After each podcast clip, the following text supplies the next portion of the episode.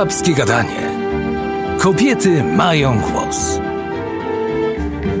Dzień dobry, dobry wieczór. Dominika Kossakowska. Dziś z cyklu Babskie Gadanie kobiety mają głos w Radiu Kraków.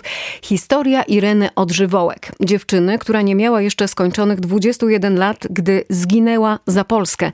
Dziewczyny zamordowanej przez komunistów, której grób odnaleziono zaledwie 4 lata temu. O zbrodni w majestacie prawa i Irenie Odżywołek porozmawiamy z moimi i Państwa gośćmi.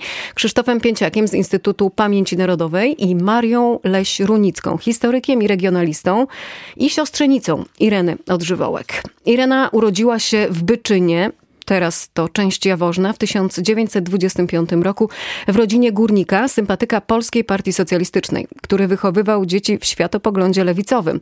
Chodziła do miejscowej szkoły, pomagała w rodzinnym gospodarstwie rolnym. W spisie ludności z 1943 roku zapisana została jako robotnica leśna. W chwili wyzwolenia w styczniu 1945 roku miała skończone 19 lat. Była u progu dorosłości, ale na skutek wydarzeń wojennych nie miała ani wykształcenia, ani zawodu. Jak to się stało, pani Mario, że Irena y, trafiła do Krakowa, do pracy w więzieniu świętego Michała? Tuż po wyzwoleniu, w lutym 1945 roku, w całym Jaworznie, również w Byczynie, powstał Związek Walki Młodych. To była przybudówka komunistycznego PPR-u i pomimo tego, no, u nas lewicowe wpływy były duże, poważne, ale ta y, ZMW zorganizowało nabór do pracy, do, do różnych form organizacji państwowej. Na przykład mężczyźni, chłopcy młodzi, werbowani byli do służby wojskowej, do milicji, do jakiejś, no w każdym razie wszędzie, do jakiejś pracy, ponieważ praca u nas w Jaworznie była tylko w kopalniach. Ka każdy, kto chciał nie chciał pracować w kopalni, a tego było sporo, zagarniał się właśnie i między innymi y, Irena się w ten sposób tak dostała. To znaczy, no nie bardzo ona się garnęła, bo od lutego, jak były te pierwsze y, werbunki, obliczamy, że około dwóch tysięcy młodych osób wtedy wyjechało z Jaworzna, nie tylko z Byczyny, bo Byczyna jest jedną z dzielnic. W samej Byczynie doliczyłam się prawie 200 osób. Dziewcząt wszystko młodzi ludzie mężczyźni i, i, dziewczęta do różnych form y, pracy właśnie poza. Między innymi na przykład mój ojciec zabrał się z taką jedną grupą, ale on wyjechał do Katowic. I na przykład pierwsza jego praca to była praca jako kierowca bo jak był na, na robotach przymusowych, tam go po prostu nauczył się i zaczął od pracy kier, y, kierowcy. Potem go skierowano do szkoły, do technikum. I ta jego na przykład droga mojego ojca była bardzo szczęśliwa w sumie, bo to był awans społeczny i zdobył wykształcenie. Natomiast Irena trafiła z grupą takich młodych dziewcząt do Krakowa. Tutaj nie mamy specjalnie y, wiadomości, jak to się stało. Wyjechała późno, bo wyjechała dopiero w kwietniu. Znam wersję tego werbownika, który ją namówił. To ona już pojechała podobno w ostatniej grupie już, już, już wybrali wszystkich chętnych i po prostu on nawet był w domu osobiście i ją namawiał na ten wyjazd. To nie był werbunek, że do więzienia, to był do pracy. Do pracy, tak. Ona do, pracowała w pralni na początku. Tak, i ona na początku pracowała w pralni jako kierowniczka. Czyli już to była jakaś, jakiś awans, garnęła się. Z tego, co wiem od wujka właśnie Józefa, to też myślała o szkole, że, że pójdzie do szkoły. Natomiast podejrzewam, albo jestem właściwie pewna, że wobec braku kadry, tej, tego, której zawsze brakowało w więziennictwie, została przesunięta y, z tego, z tej pralni na, na jako strażniczka oddziałowa. W dokumentach, jakie zostały, zresztą jako ślad, jak ona pisała potem w, ona w maju, przyjęta została w maju 45 roku, 9 dokładnie. Do, za rok prosiła o zwolnienie. Prosiła i pisała, napisała wyraźnie, że się do tego nie nadaje, że ona nie potrafi y, y, spełniać i przypomniała, że jak przyjmowali ją, to gwarantowali jej, że na każde jej życzenie ją zwolnią. No oczywiście to już pozostało tylko jej życzenie. Ona Ponieważ... oficjalnie swoją prośbę mm, zwolnienia motywowała tak. chęcią wstąpienia w związek małżeński i chorobą matki. No nie była to prawda. To jest, a babcia się świetnie czuła. Y, właśnie o chłopcu, o tym kandydacie nie wiemy nic. Nawet gdyby tam, no nie wiem, tu w Krakowie też nie było śladów. Y, to co spowodowało, że ona chciała, mm, myślała o tym, żeby zrezygnować? Że więzienie. Po prostu nie potrafiła tego znieść. Przede wszystkim ona, ja tak osobiście uważam, u nas w Byczynie, w Jaworznie, okres okupacji jest y, nietypowy dla, dla, dla takich y, przeciętnych warunków w Polsce, dlatego że u nas był okres zgody narodowej. Było AK, był AL, tu przypominam, że z Byczyny pochodzi szlachcic Franciszek, słynny przedwo- znaczy komunistyczny wicepremier i szef milicji i, i, i bezpieki, ale była zgoda na tym sensie, że jeden drugiemu nie przeszkadzał i mowy nie było, żeby na przykład jeden, jedna czy drugie zdradzali Niemcom. Wszystkie nasze te sytuacje, y, klęski AK, aresztowania, na przykład y, była zgoda narodowa i ona jej obraz II wojny, owszem, że w lesie są partyzanci, że jest opór, że jest konspiracja, ale wszystko razem to jest zgoda Polak i Niemiec. To dlaczego y, wstąpiła do Polskiej Partii Robotniczej? Nie, ona nie do Polskiej Partii Robotniczej, ona postąpiła do ZWM, bo to był werbunek, warunek, żeby wyjechać do pracy. A w naszej okolicy po prostu to nie było nic złego. Pierwsza organizacja y, wyszła i, tako, i ona taka właśnie naiwna, znająca tylko jedną stronę jak gdyby medalu, przyjechała i w tym więzieniu, w tej pralni, jak poszła do, dali ją na, to, na oddział, wtedy się przekonała. Przekonała się po prostu, że bohaterowie są więzieni. Zaczęła słuchać pod y, tymi celami. Tam byli młodzi ludzie, partyzantka z, przecież z Podhala, z Krakowskiego. No właśnie, panie Krzysztofie, kto tam był wtedy? Zacznę od tego, że mówimy o latach 1945-46, kiedy to te więzienne cele przy Senackiej 3, bo takie hmm. oficjalnie, y, taka była oficjalna nazwa tego miejsca, więzienie Senacka 3 y, z jego filiami w Krakowie, y, to główne więzienie Krakowa w tym czasie. Jeszcze wtedy Montelupich... Nie było Montelupich? Było, tylko ono było pod kontrolą Sowietów, później stopniowo przechodziło pod e, kontrolę e, bezpieki. Natomiast jeszcze wtedy nie pełniło tak istotnej funkcji w tym systemie penitencjarnym, e, jak to miało miejsce w latach późniejszych. Wtedy jeszcze najliczniej, jeśli można użyć tego słowa w tym kontekście zaludnionym, czy, czy właściwie przepełnionym więzieniem, było właśnie więzienie Senacka 3 byli tam osadzeni różni więźniowie. Różni w tym sensie, że zarówno więźniowie polityczni, i o nich dzisiaj będziemy mówić najwięcej, ale też więźniowie kryminalni, e, Volksdeutsche, ludzie osadzeni w związku z oskarżeniem o współpracę z Niemcami czy podpisanie niemieckiej listy narodowościowej. Mówię o tym wszystkim dlatego, że to też miało swój wpływ na przebieg tej akcji, która się dzięki Irenie Odżywołek udała. Nas bowiem e, w kontekście tych działań partyzanckich interesują przede wszystkim więźniowie polityczni, żołnierze Armii Krajowej z czasów wojny, członkowie różnych organizacji konspiracyjnych, antykomunistycznych, zarówno tej konspiracji e, niezbrojnej, e, Zrzeszenia Win, Wolność i Niezawisłość, czy też oddziałów partyzanckich Narodowych Sił Zbrojnych, Narodowej Organizacji Wojskowej, czy podziemia Poakowskiego. To w takim razie, jak mówimy o AK, to ja w takim razie przywołam sylwetkę Bolesława Pronobisa bo tam e, poznała go Irena. Tak. Dokładnie e, jak jakby z dokumentu wynika, taki znajomość trwała w połowie czerwca albo końcem czerwca i lipca. On został aresztowany i, przy, i osadzony właśnie na Senackiej 3. Był ja żołnierz AK, pseudonim Ikar. Tak, on jest Tarnowski, on był zna, znanym, tutaj kolega może lepiej powiedzieć, był oddziałem chyba, nie? On był chyba por, był porucznikiem i miał chyba oddział partyzancki. On był, przed wojną był podchorążym lotnictwa, o ile ja tam pamiętam. Kapralem pilotem. No właśnie. W drugim pułku lotniczym w Krakowie. No, a, a w Tarnowie okupację spędził, nie? By, był oddziałem, no, aha. I co ciekawe... i pod Tarnowem, że tak, tak pozwolę się wciąć, o, bo on dobrze, w czasie dobrze. akcji Burza walczy w szeregach no batalionu Barbara, czyli pierwszego I batalionu 16 epizod 40, AK. Przepraszam, w 1945 roku ma ten epizod, już jest raz uwięziony w Tarnowie i tam organizuje ucieczkę właśnie na zasadzie, że e, e, strażniczkę angażuje Niemczurównę, która też właśnie przynosi broń do tego i ten sam scenariusz. zaczyna się z tym, że Niemczurówna była, jak wynika z tego, ona była już w, w konspiracji. Ona była, jak gdyby on zastał taką okoliczność. Natomiast z Ireną była ta sytuacja, że on ją dopiero e, przyjął, przyjął e, w celi przysięgę i tak dalej. Przyjął. Cała znajomość, jak wynika z tych dokumentów, jeżeli, bo, bo nie wiemy dokładnie kiedy, no ale wcześniej ją nie mógł poznać, zanim go nie osadzili w tym więzieniu. A on jest osadzony w połowie czerwca 1946 roku, więc zaraz a e, rozbicie mamy 18 sierpnia, czyli całość jest dwa miesiące. A ona pisze w swoim, znaczy pisze w zeznaniach, że, że poznała go na przełomie e, czerwca-lipca. Poznaje Pronobisa. Pronobisa. On ma swój mm, on ma swój pomysł na to, jak, jak zadziałać, jak opracował plan ucieczki więzionych żołnierzy konspiracji niepodległościowej. E, co się dzieje? Z kim współpracuje wtedy y, w tym scenariuszu e, Irena Odżywołek, żeby pomóc więźniom wydostać się na wolność?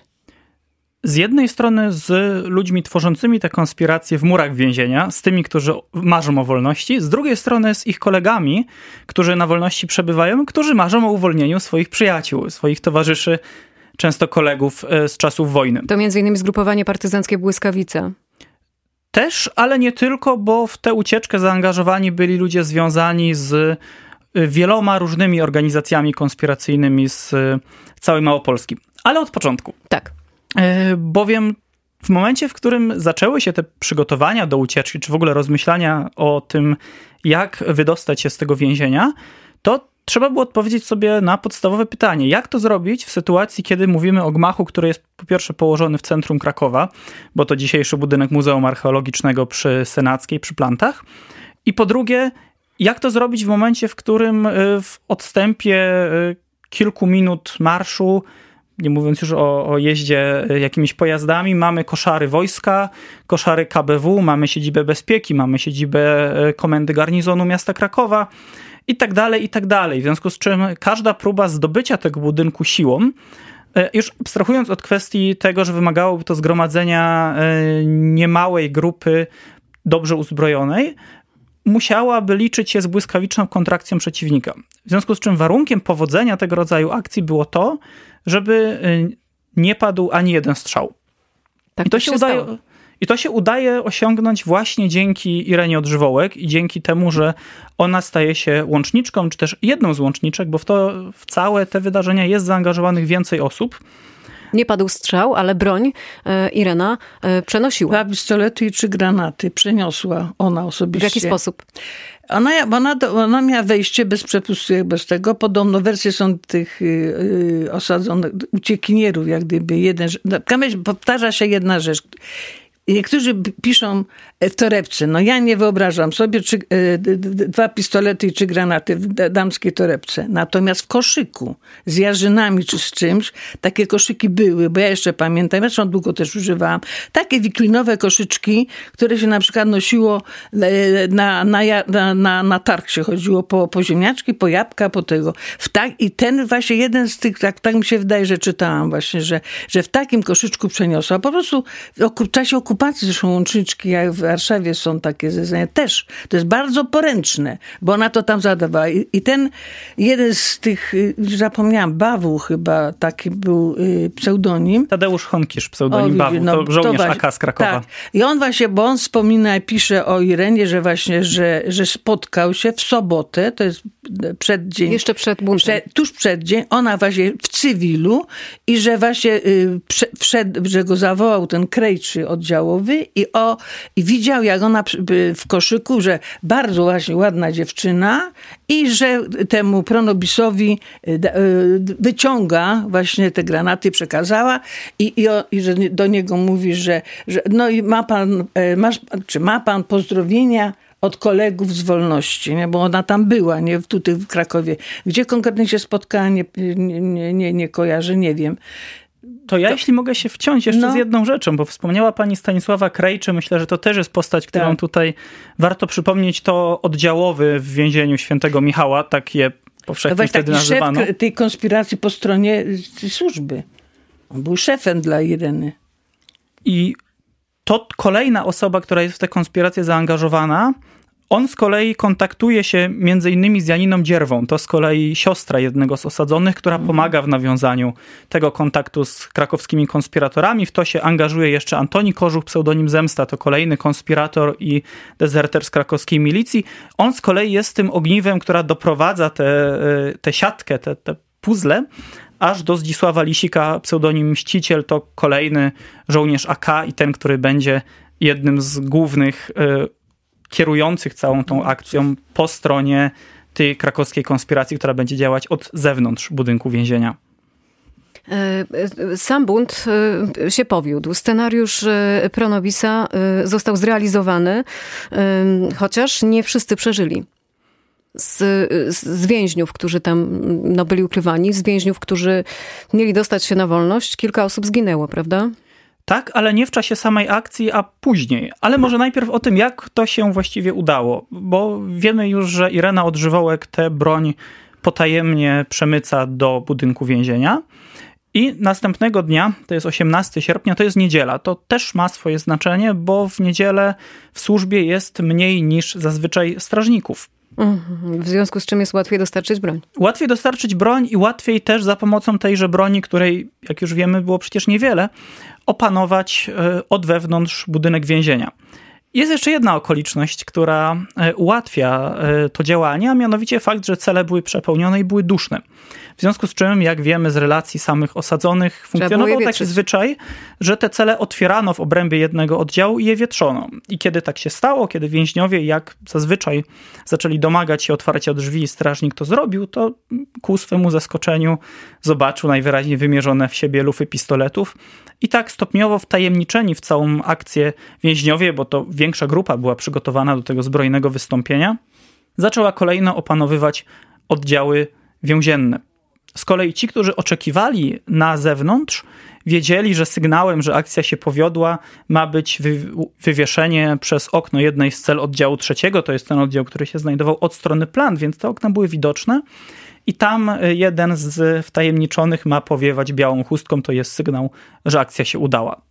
I tak też się stało. Krótko po godzinie 10 taka chusteczka w oknie się pojawiła. W tym czasie więźniowie już opanowywali kolejne oddziały. Wartownie udało się zaskoczyć i rozbroić naczelnika więzienia. Ale samej Ireny już tam nie było. Nie, ona w sobotę już wyjechała. I gdzie ona wyjechała? Wyjechała do Niwki, do żony Pronobisa. Tak ją Pronobis pokierował. Ja to tak rozumiem, ponieważ Irena nie miała własnych kontaktów konspiracyjnych. W Krakowie prawdopodobnie poszła tam, gdzie jej wskazano i nie miała, a tu rodziny nie było żadnej, bo jak mówię, brat starszy pracował, ale dojeżdżał do Byczyny i on ją wysłał do Niwki do żony. Jak ona tam do, do niej Niwka dotarła... koło Sosnowca. Niwka Modrzejów, koło Sosnowca, blisko zresztą Byczyny, do domu absolutnie nie pojechała, bo po co? Być może ją na, na nią tam czekali, to znaczy dziadkowie nie, nie mówili, żeby w domu byli, ale to nie musieli być w domu. W razie z, z tą żoną Pronobisa wyjechały najpierw do Zakopanego, do rodziny właśnie. Była w Chorzowie, no to potem jest okres ucieczki aż do dnia zatrzymania 3 czy 4 y, listopada jest za, za, i zatrzymali ją y, w Gliwicach. Także ona była w ciągłym ruchu i właśnie ta rodzina właśnie Pronobisa jej tam pomagała w, tej, w, tej, w tym ukrywaniu. Y, to teraz pytanie do pani Marii jeszcze. Irena udzielała pomocy więźniom i prześladowanym. Była młoda. Sama pani wspomina, że nie miała tej siatki konspiracyjnej opracowanej. Dlaczego w ogóle angażowała się w tę pomoc? Przecież chyba wiedziała, co jej za to grozi. Ja przypuszczam, tak zakładam, ewidentnie no, spotkała się po prostu zetknięcie z tą krzywdą i z tym, co zobaczyła. Zobaczyła młodych chłopców, młodych ludzi, bohaterów, bo nasłuchała się właśnie tych powieści z okupacji, przekonała się, że u niej, właśnie konkretnie w Jaworznie, w naszej okolicy, tacy bohaterowie są hołubieni, yy, przeżywają okres sławy, a tutaj ludzie są po prostu, przecież tam, yy, chciałam przypomnieć, ludzie byli z wyrokami śmierci już, a inni czekali na, na, na te wyroki. Dlaczego pomogła? musiała yy, przez te dwa miesiące, jak sobie tak nie myślałam, wyobrażałam sobie, co ona przeżywa. Przecież to jest, był straszny dramat yy, taki psychiczny. Wyobraziłam siebie, jak zostawić ludzi w potrzebie i odwrócić się tyłem. Tu wspomnę, że y, w tej grupie i w więzieniu y, zatrudniona była nie tylko ona sama z Byczyny. Tam było, jak wyliczyłam się, dowiedziałam, że trzy albo cztery osoby, równie w jej Dziewczęta. wieku.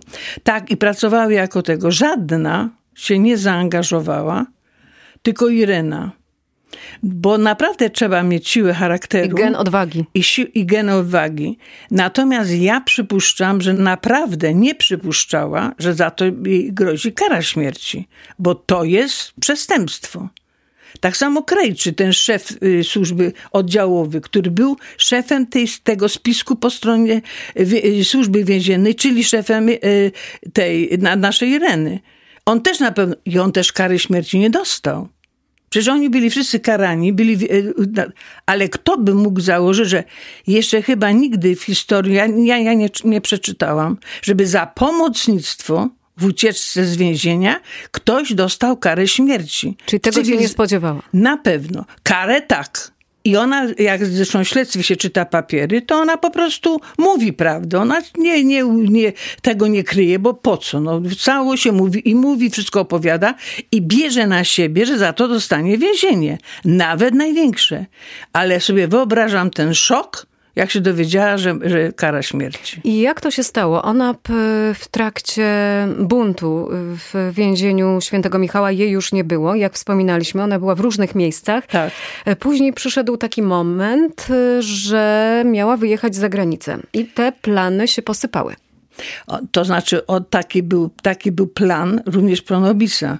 Tylko oni na nieszczęście trafili na, na tego, na, ta, na tą... No właśnie, na kogo trafili? Jak on się nazywał? Wędrcho, Wędrychowski? Tutaj. To był Henryk Do- Wędrowski. To Tak. jest postać y, owiana wyjątkowo złą sławą, y, jeśli chodzi o y, udział w rozpracowaniu i zniszczeniu struktur podziemia niepodległościowego w południowej Polsce, szczególnie na Śląsku. To jest ten człowiek, który podając się za oficera Narodowych Sił Zbrojnych o, kryptoni- o pseudonimie Lawina, był y, kluczową postacią dla zniszczenia zgrupowania y, kapitana Henryka Flamego Bartka.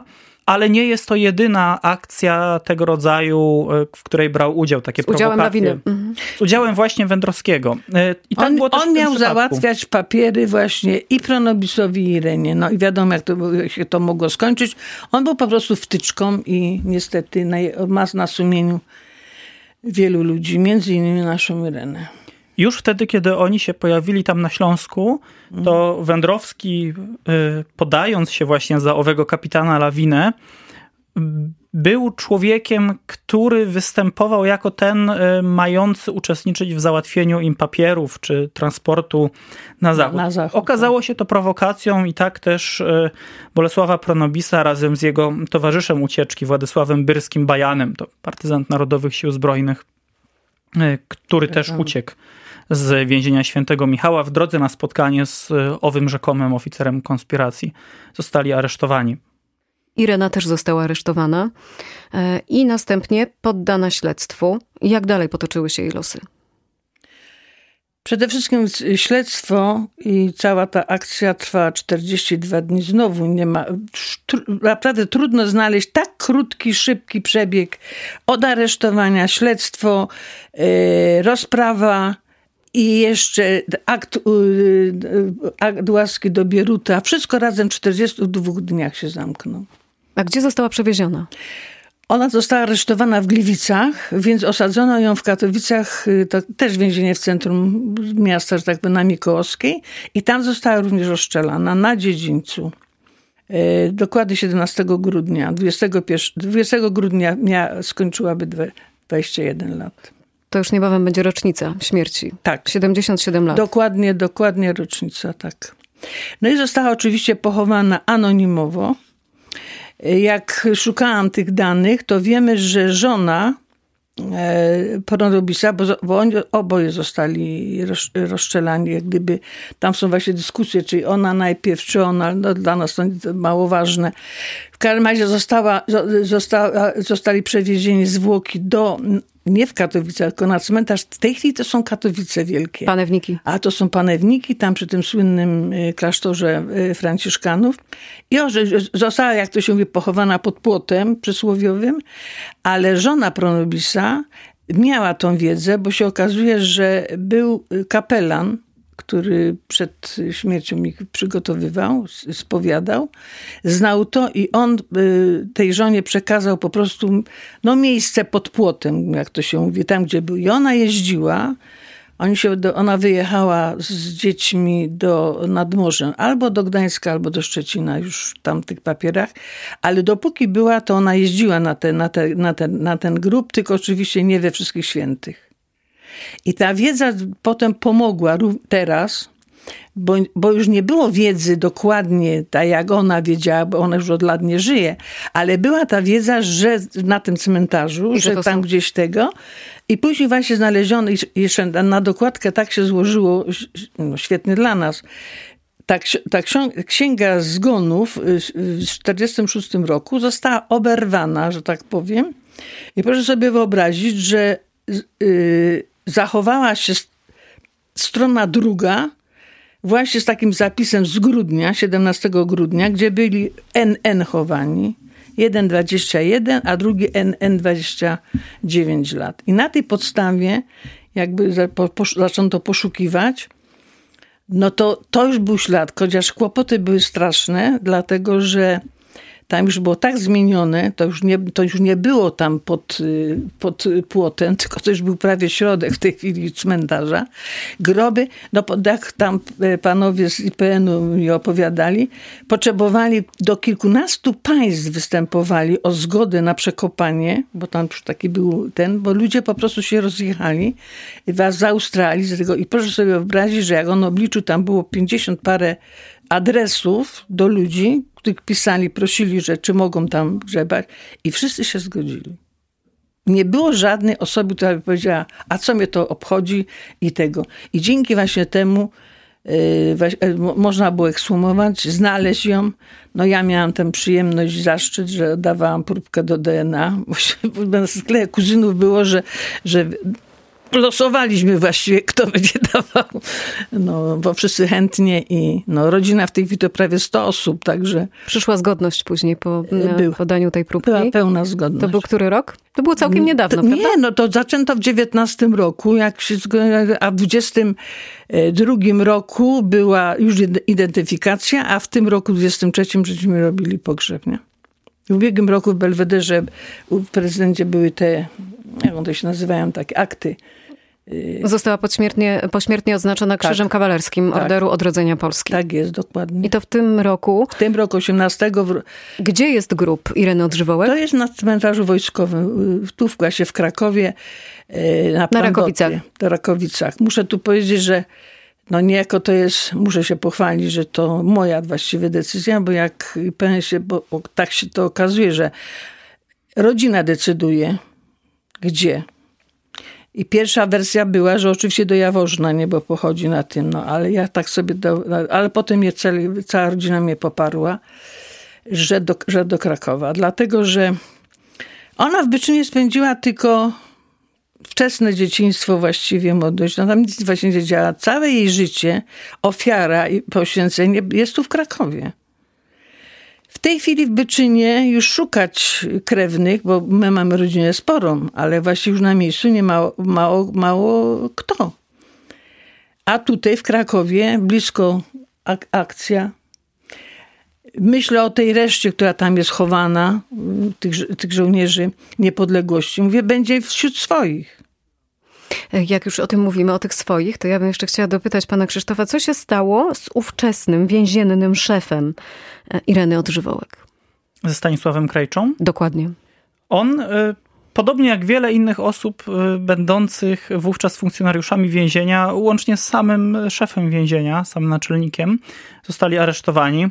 Jemu zarzucano współpracę z konspiracją, zarzucano mu udział w tych wydarzeniach y, i w czasie zbiorowego procesu, w którym sądzono te właśnie osoby, jednych pod zarzutem współpracy z konspiracją, innych y, pod zarzutem tylko, oczywiście tylko w cudzysłowie, y, zaniedbania swoich obowiązków.